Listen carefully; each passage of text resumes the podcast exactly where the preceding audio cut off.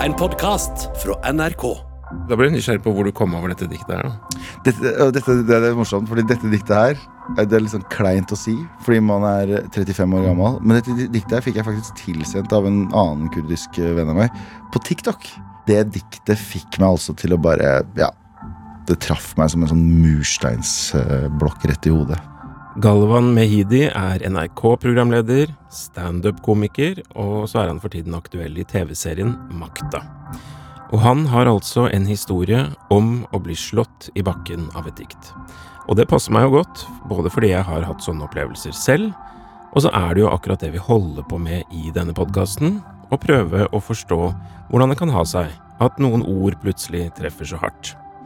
Og når jeg kikker bort på Galvan nå, så ser jeg at han prøver å komme litt ut av det vanlige moduset han har i studio, når han er med i podkasten Med all respekt, eksempel, hvor han og fire andre tuller og tøyser med annet fordommer og rasisme.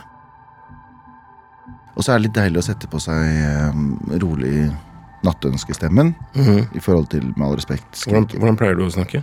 Jeg pleier å snakke sånn her. Da er vi tilbake til eh, Med all respekt eh, igjen. Tara, du har en formening om somalere i dag, har du ikke det? Og så går altså, Det somalske folk. Og så går vi videre. Og så skriker jeg litt over henne fordi jeg har en idé som jeg tror er kjempegod å si midt i resonnementet hennes.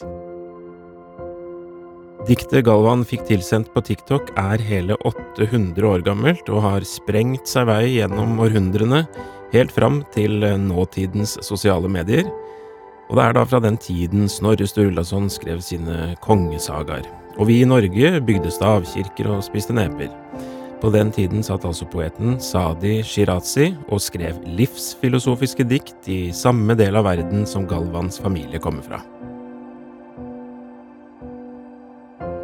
Jeg er fra eh, Nord-Irak, Kurdistan-området. Så jeg øh, jeg født der, kom til Norge som fireåring. Jeg kom fra en familie, eller et sted i Kurdistan der øh, det har vært krig hver liksom, tiende år. Siden pappa, pappa viste meg liksom, når vi var i landsbyen, sånn, hvor han pleide å gjemme seg når bombeflyene kom. Det var sånn, Der pleide jeg onkelen min å gjemme oss under en stein der, eller en grotte der.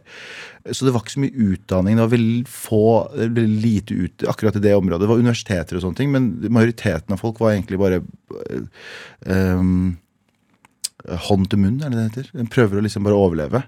Um, så for min del så var jeg ikke oppvokst med veldig mye sånn intellektuell kunst og poesi og. Så- Sånne ting hadde ikke pappa, eller familien til pappa tid til. Uh, Så når jeg snubler over kunst fra Kurdistan, eller persiske rik, eller hvor enn liksom det området mine foreldre er fra, så sluker jeg det rått. Du fikk det på engelsk? Fikk det på engelsk, og nå har jeg med mine egne ord og litt Google Translate Vi to har jobbet har samarbeida. ja. Vi har samarbeida eh, med å oversette dette diktet til norsk. Oversetter du mye på, på sitt norsk? Uh, nei, det gjør jeg ikke. Det gjør jeg ikke. Ok, da er vi klare for å høre diktet, Galvan. Jeg har skjønt uh, av det lille vi har snakket sammen i forkant, at vi skal inn i en verden av sterke følelser. Vær så god. Hvis jeg forteller deg mitt hjertes sorg, er jeg redd for at min tunge skal brenne. Hvis det forblir i mitt hjerte, er jeg redd jeg brenner fra innsiden. Hvis jeg slipper det ut, er jeg redd for å brenne ned hele verden. Jeg kan ikke slippe det ut, så jeg lar sorgen forbli inne.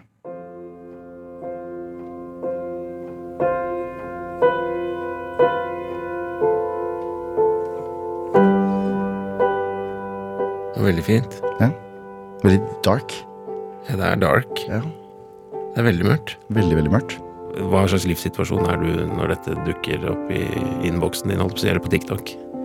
Eh, hva slags livssituasjon jeg er i da? Ja. Jeg, tror, skal jeg, helt, jeg tror det var covid. Jeg, så jeg tror vi alle sammen satt og følte på litt sorg vi ikke hadde lyst til å få ut. Eh, men eh, for min del så forteller jo det diktet her at, på en måte, at min sorg er min byrde å bære. Er det en riktig setning å si? Ja, Jeg følte meg veldig kul når jeg sa det der. veldig bra. Jeg følte meg veldig intellektuell.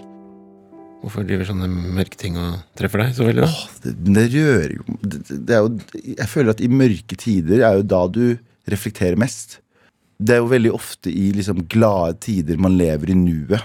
Man sitter ikke og analyserer når man er glad. Hvorfor er jeg glad nå? Hvordan kan jeg gjøre dette her oftere? Hva, hva er det som gjør meg så glad?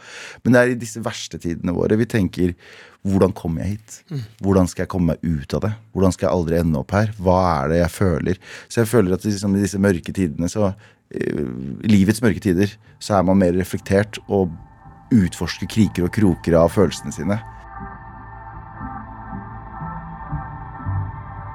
Jeg husker jo helt fra jeg var liten Jeg har jo vokst opp i en familie som har tillatt meg å både være religiøs og ateist. Eh, faren min er veldig glad i mye av symbolikken rundt islam, men han liker ikke liksom organisert religion. Moren min har vært veldig sånn, veldig religiøs, ikke pakka det på oss på noen måte. Eh, men jeg husker jo Og selv som barn så var jeg sånn usikker på om det fantes en gud eller ikke. og jeg var ikke helt liksom, Men det var et eller annet, tenkte jeg. Men jeg husker jo, selv om jeg ikke bidro i det religiøse, som å be eller som å faste, så husker jeg jo fra jeg var liten, og vi, kom fra, vi bodde i Mysen Jeg husker fra jeg var liten, så selv hvor mye pappa snakka ned religion, og var sånn eh, Tulla veldig mye om religion, noe som ga mamma hjertebank. Han tulla veldig mye om alt som han, han var ganske blasfemisk, da, la oss si det. Okay. Eh, hvis han skulle ha det litt artig med mamma og få se henne stresset ut. Eh, så selv med alt det, så elska han på en måte å lese Koranen. Det var et eller annet liksom, på en måte en øh, tradisjonene han hadde. um, hver søndag når han ikke jobba. Han jobba ikke på søndager.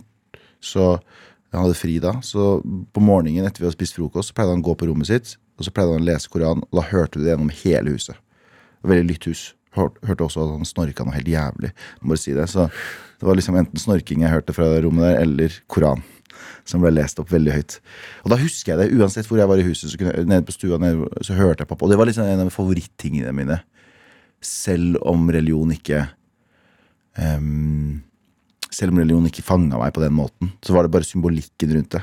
Selv når vi var i Kurdistan Vi besøkte Kurdistan i, når jeg var eh, barn. Og vi, på sommeren så sover du jo på taket. eh, Fordi det er så varmt nede. Inne, så du sover på taket. Man drar opp madrasser opp på taket, og så sitter, sover man der. Ble man vekt hver morgen klokken fem til bønneropene og sånne ting. Og det var liksom Skulle tro det var irriterende, men det var vakreste tingene å bli. Og så sovner du igjen. Det er et eller annet med bare symbolikken rundt det. Trygghet. Trygghet.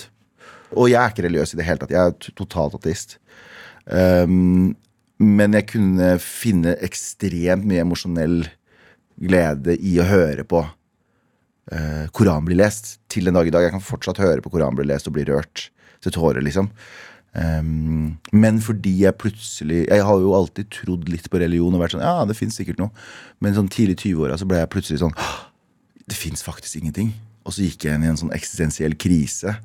Uh, der jeg jo bare sånn Frykten bare av at ah, det er ingenting etter døden-greia. Som man får når man innser, hvis man har gått for religiøst til å bli ateist. Så har jeg prøvd å finne mening i alt. Mening i min Jeg vet at jeg kan ikke bare dytte det og si sånn Ja, men jeg fikser det når jeg kommer til himmelen. altså, ah, jeg er trist nå. Men vet du hva? Gud, jeg, fuck, jeg fucking fikser dette her etterpå. Det, det, er, ikke, det er ikke noe etterpå.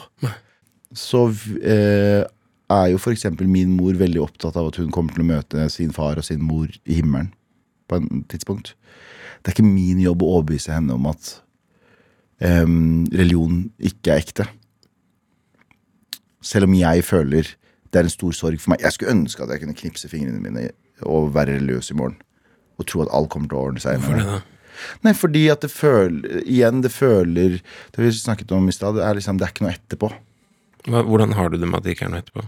Det til tider ganske jævlig, fordi um, jeg har innsett at etter dette liksom eh, åpen, Denne åpenbaringen om at jeg, eh, det ikke fins noen religion, så innså jeg også at jeg har Jeg har en ehm, følelse Når jeg har en følelse av glede med foreldrene mine, så kommer det en umiddelbar eh, følelse av sorg, som er Dette kommer aldri til å vare.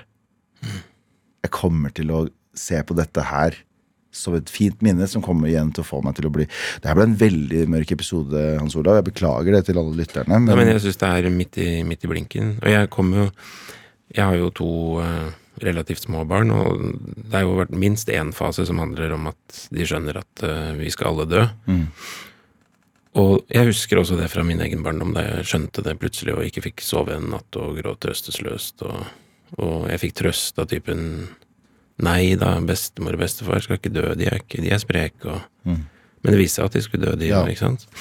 Um, så når mine egne barn spør Han ene sa for eksempel sånn Pappa, det er jo helt vilt, liksom. Alle skal dø. Du skal dø, jeg skal dø. Alle vi kjenner skal dø. Og så skal jeg da rykke inn med noe trøst. Mm.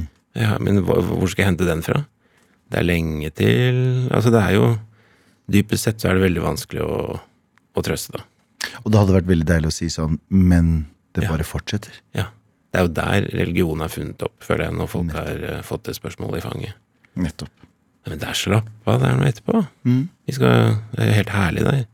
Og så kan man få inn litt sånn barneoppdragelse i samme slengen og si at uh, hvis du ikke oppfører deg bra, så kommer du til helvete, liksom. Men hvis du oppfører deg noenlunde bra, så blir dette helt herlig. Mm. Og vi skal møtes igjen.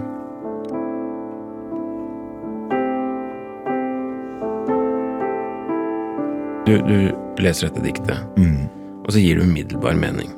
Hva Og så snakket du om altså ditt forhold til religion. Det er mørkt at uh, det ikke er noe etterpå. Mm. Men hva er det som gjør at du kjenner deg så igjen i det, tror du? Sånn med en gang?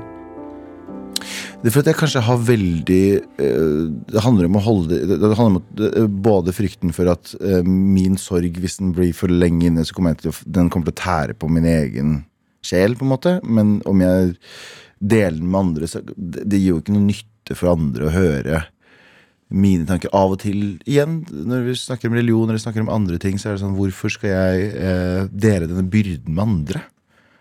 Veldig ofte. Og det har jeg jo innsett selv også. Jeg har jo innsett veldig mye som er sånn um, I min egen oppvekst Jeg har hatt en veldig veldig bra oppvekst, altså. Uh, men også veldig mye sånn av krigen. Kom, jeg kom til Norge som fireåring og, jo, og hadde jo bølgeeffekt, eller hva heter det, da, ripples av det. I barndommen, på grunn av faren min som var ekssoldat, og mamma som var på en måte har mista mange familiemedlemmer. Så det, det, det fulgte jo oss hele veien mens vi var i Norge også. Eh, men jeg har ikke delt det med så mange. Og det er veldig mange på en måte ting jeg ikke deler så mye, fordi jeg føler at dette her er bare eh, Man blir oppfordret til å snakke så mye, men jeg føler at også man ikke skal forurense omgivelsene sine noen ganger. Og så har jeg hatt en periode i litt sånn eldre alder der jeg tror jeg har utagert på denne følelsen av å dette er bekymra for, dette er bekymret for, som også ikke har vært bra. Fordi jeg følte at jeg liksom dumpa det på vennene mine. Ok, for eksempel hva da? Det høres veldig trivielt ut, men um, i karrieren man har valgt, så er man ganske Man er veldig opptatt av å fremstå på en viss måte. Når man jobber i underholdning, så skal man på en måte underholde bokstavelig talt tusenvis av mennesker i uka. Det er ikke vanlig for en vanlig person. Vanlig person drar på jobben sin og møter kanskje fem-seks nye personer i uka hvis de er heldige, liksom. Ellers så møter du de hvis du har en vanlig jobb, men hvis du har en underholdningsjobb. Og jeg tror, eh, og det angsten rundt det er jo naturlig å ha. Men jeg hadde en periode der jeg var veldig angstfull. Hver gang jeg gikk av scenen, så var jeg sånn Fuck, jeg, jeg, bare sånn, fuck, jeg suger. Dytte det til rett før jeg skulle på scenen. Bare sånn all angsten min som kulminerte i det her. Og så merka jeg at det de jeg sto med, og de jeg turnerte med, og de jeg så, Det ble nesten det ble, Jeg lagde dårlig stemningen. Fordi jeg hadde så mye angst for det, og jeg hadde så mye ditt og datt. Og da innså jeg at denne hva, hva gir jeg ved å si dette her høyt? Jeg kan fortsatt føle dette her ved å ha det inni meg. Jeg vet ikke om det her er et godt svar, men det er i hvert fall det jeg føler. Ja. Det er det nærmeste jeg kommer til en god beskrivelse nå, her og nå. Ja. Ja, men jeg syns det er spennende fordi at du hadde ikke noe språk for å snakke. Det var egentlig ingen å snakke med som kunne relatere seg til det. Og så blir det på en måte en slags verdi da, inni deg at man skal på et tidspunkt at man skal holde det for seg selv. Det er det riktige å gjøre. Ja. Ikke belemre noen. Og la det tårne seg opp. Jeg trodde egentlig du skulle si at du har gått fra å ikke snakke om det til å bare bable. For det jeg har gjort. I voksen alder nå så prøver jeg på en måte å formulere disse tankene så godt som mulig. Noe jeg ikke gjorde i hele oppveksten. Nå gjør jeg jo standup om det, og humor om det. Radio om det. Så jeg prøver å snakke om det, men på, eh, på en ikke tung måte.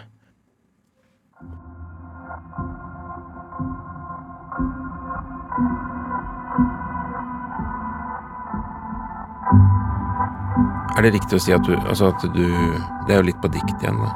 At du opplevde at det var farlig å begynne å sette ord på det på noen måte, eller var det bare at du manglet språket? Jeg tror det er en god kombinasjon av begge. Jeg tror det var farlig å sette ord på det. Um, og jeg visste ikke hvordan jeg skulle sette ord på det. Så jeg tror det var en ja, god kombinasjon av, uh, av begge. Hva var det du så for deg kunne skje, da? Hvis du gjorde det? Jeg tror det å innse hva man egentlig har vært igjennom, tror jeg var jævlig tror jeg, Det tror jeg var veldig, veldig skummelt. Og jeg merker jo det nå, som 35-åring. Det er nå det begynner å løsne. Sånn, og nå begynner jeg å skjønne ah, det er det, det er det, det er det. Det løsna jo bare for noen år siden. Noen traumer Noen greier som søstera mi sa til meg, og mamma. Som var sånn Å ja, det var fordi hun var deprimert, ja. Disse, disse uh, hintene vi hadde i oppveksten, som var bare ah, 'Mamma er bare sånn eller sånn eller sånn'. eller sånn Ah, det er fordi det, ja. Det er fordi det. Ja. Det, er liksom, det, det begynner å liksom Begynner å gå opp, da puslespillbrikkene begynner å treffe sånn først nå. Fordi man har brukt enten barndommen til å ikke skjønne, uh, ungdomstida på å liksom ikke ville skjønne, og nå begynner man å lande og så bare sånn Ok, nå får jeg kartlagt livet litt. De er også mennesker som har opplevd. De har også hatt dårlige verktøy. De er også, ja. Men tross alt det de har opplevd, så har de vært verdens beste folk. Men føler du at, uh, at det dikt uh, er det noe håp i det, på en måte, eller er det mer at det bare forklarer et fenomen, eller er det litt sånn catch 22 med det diktet? Nei, men Eller jo, eller tro Jo, kanskje, kanskje bra uttrykk, catch 22. Jeg tror det er for, Eller jeg føler i hvert fall at den forteller deg at det er flere Mangfoldet i ensomheten. Altså, han sier 'jeg kan ikke på en måte fortelle verden dette her'. Og implisitt så sier han at 'jeg er alene om denne', og du som leser er med meg, og osv., osv., osv. Så det er en sånn eh, mangfold i ensomheten i det diktet som jeg tror jeg faller ekstra for. Det å vite at andre tenker nøyaktig samme. Det er vel et uttrykk som er sånn 'alle har tenkt alle tanker' noensinne. Um, jeg vet ikke om det er det korrekte uttrykket, men nå sier vi det. Og uh, det føler jeg at det er her. Um, så du føler deg litt mindre ensom når du leser det? Ja, og jeg føler at det er uh, vi forstår hverandre. Og vi alle som har lest dette diktet, forstår hverandre. Mm. Og da er det plutselig ikke jeg som sitter aleine med mine sorger og tanker. Allikevel.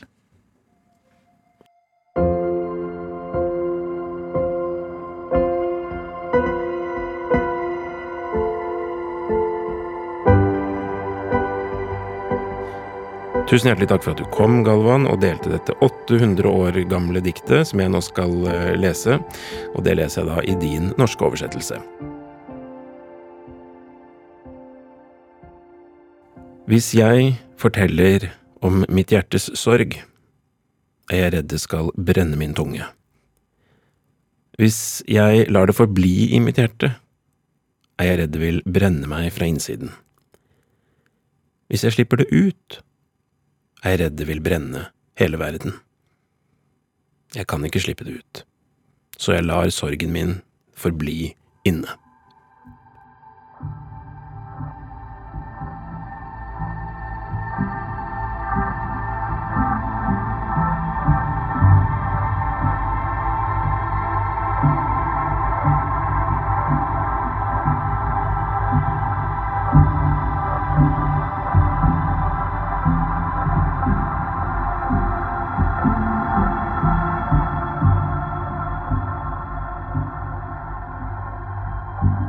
Denne podkasten er laget av meg, Hans Olav Brenner, Kristine Lossius Torin og Janne Kjellberg.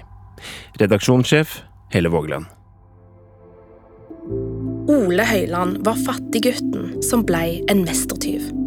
Med hans spektakulære rømninger og innbrudd blei han en superkjendis, og krona karrieren med å rane Norges Bank. Hør historiske kjendiser med meg, Alexandra Gjerpen.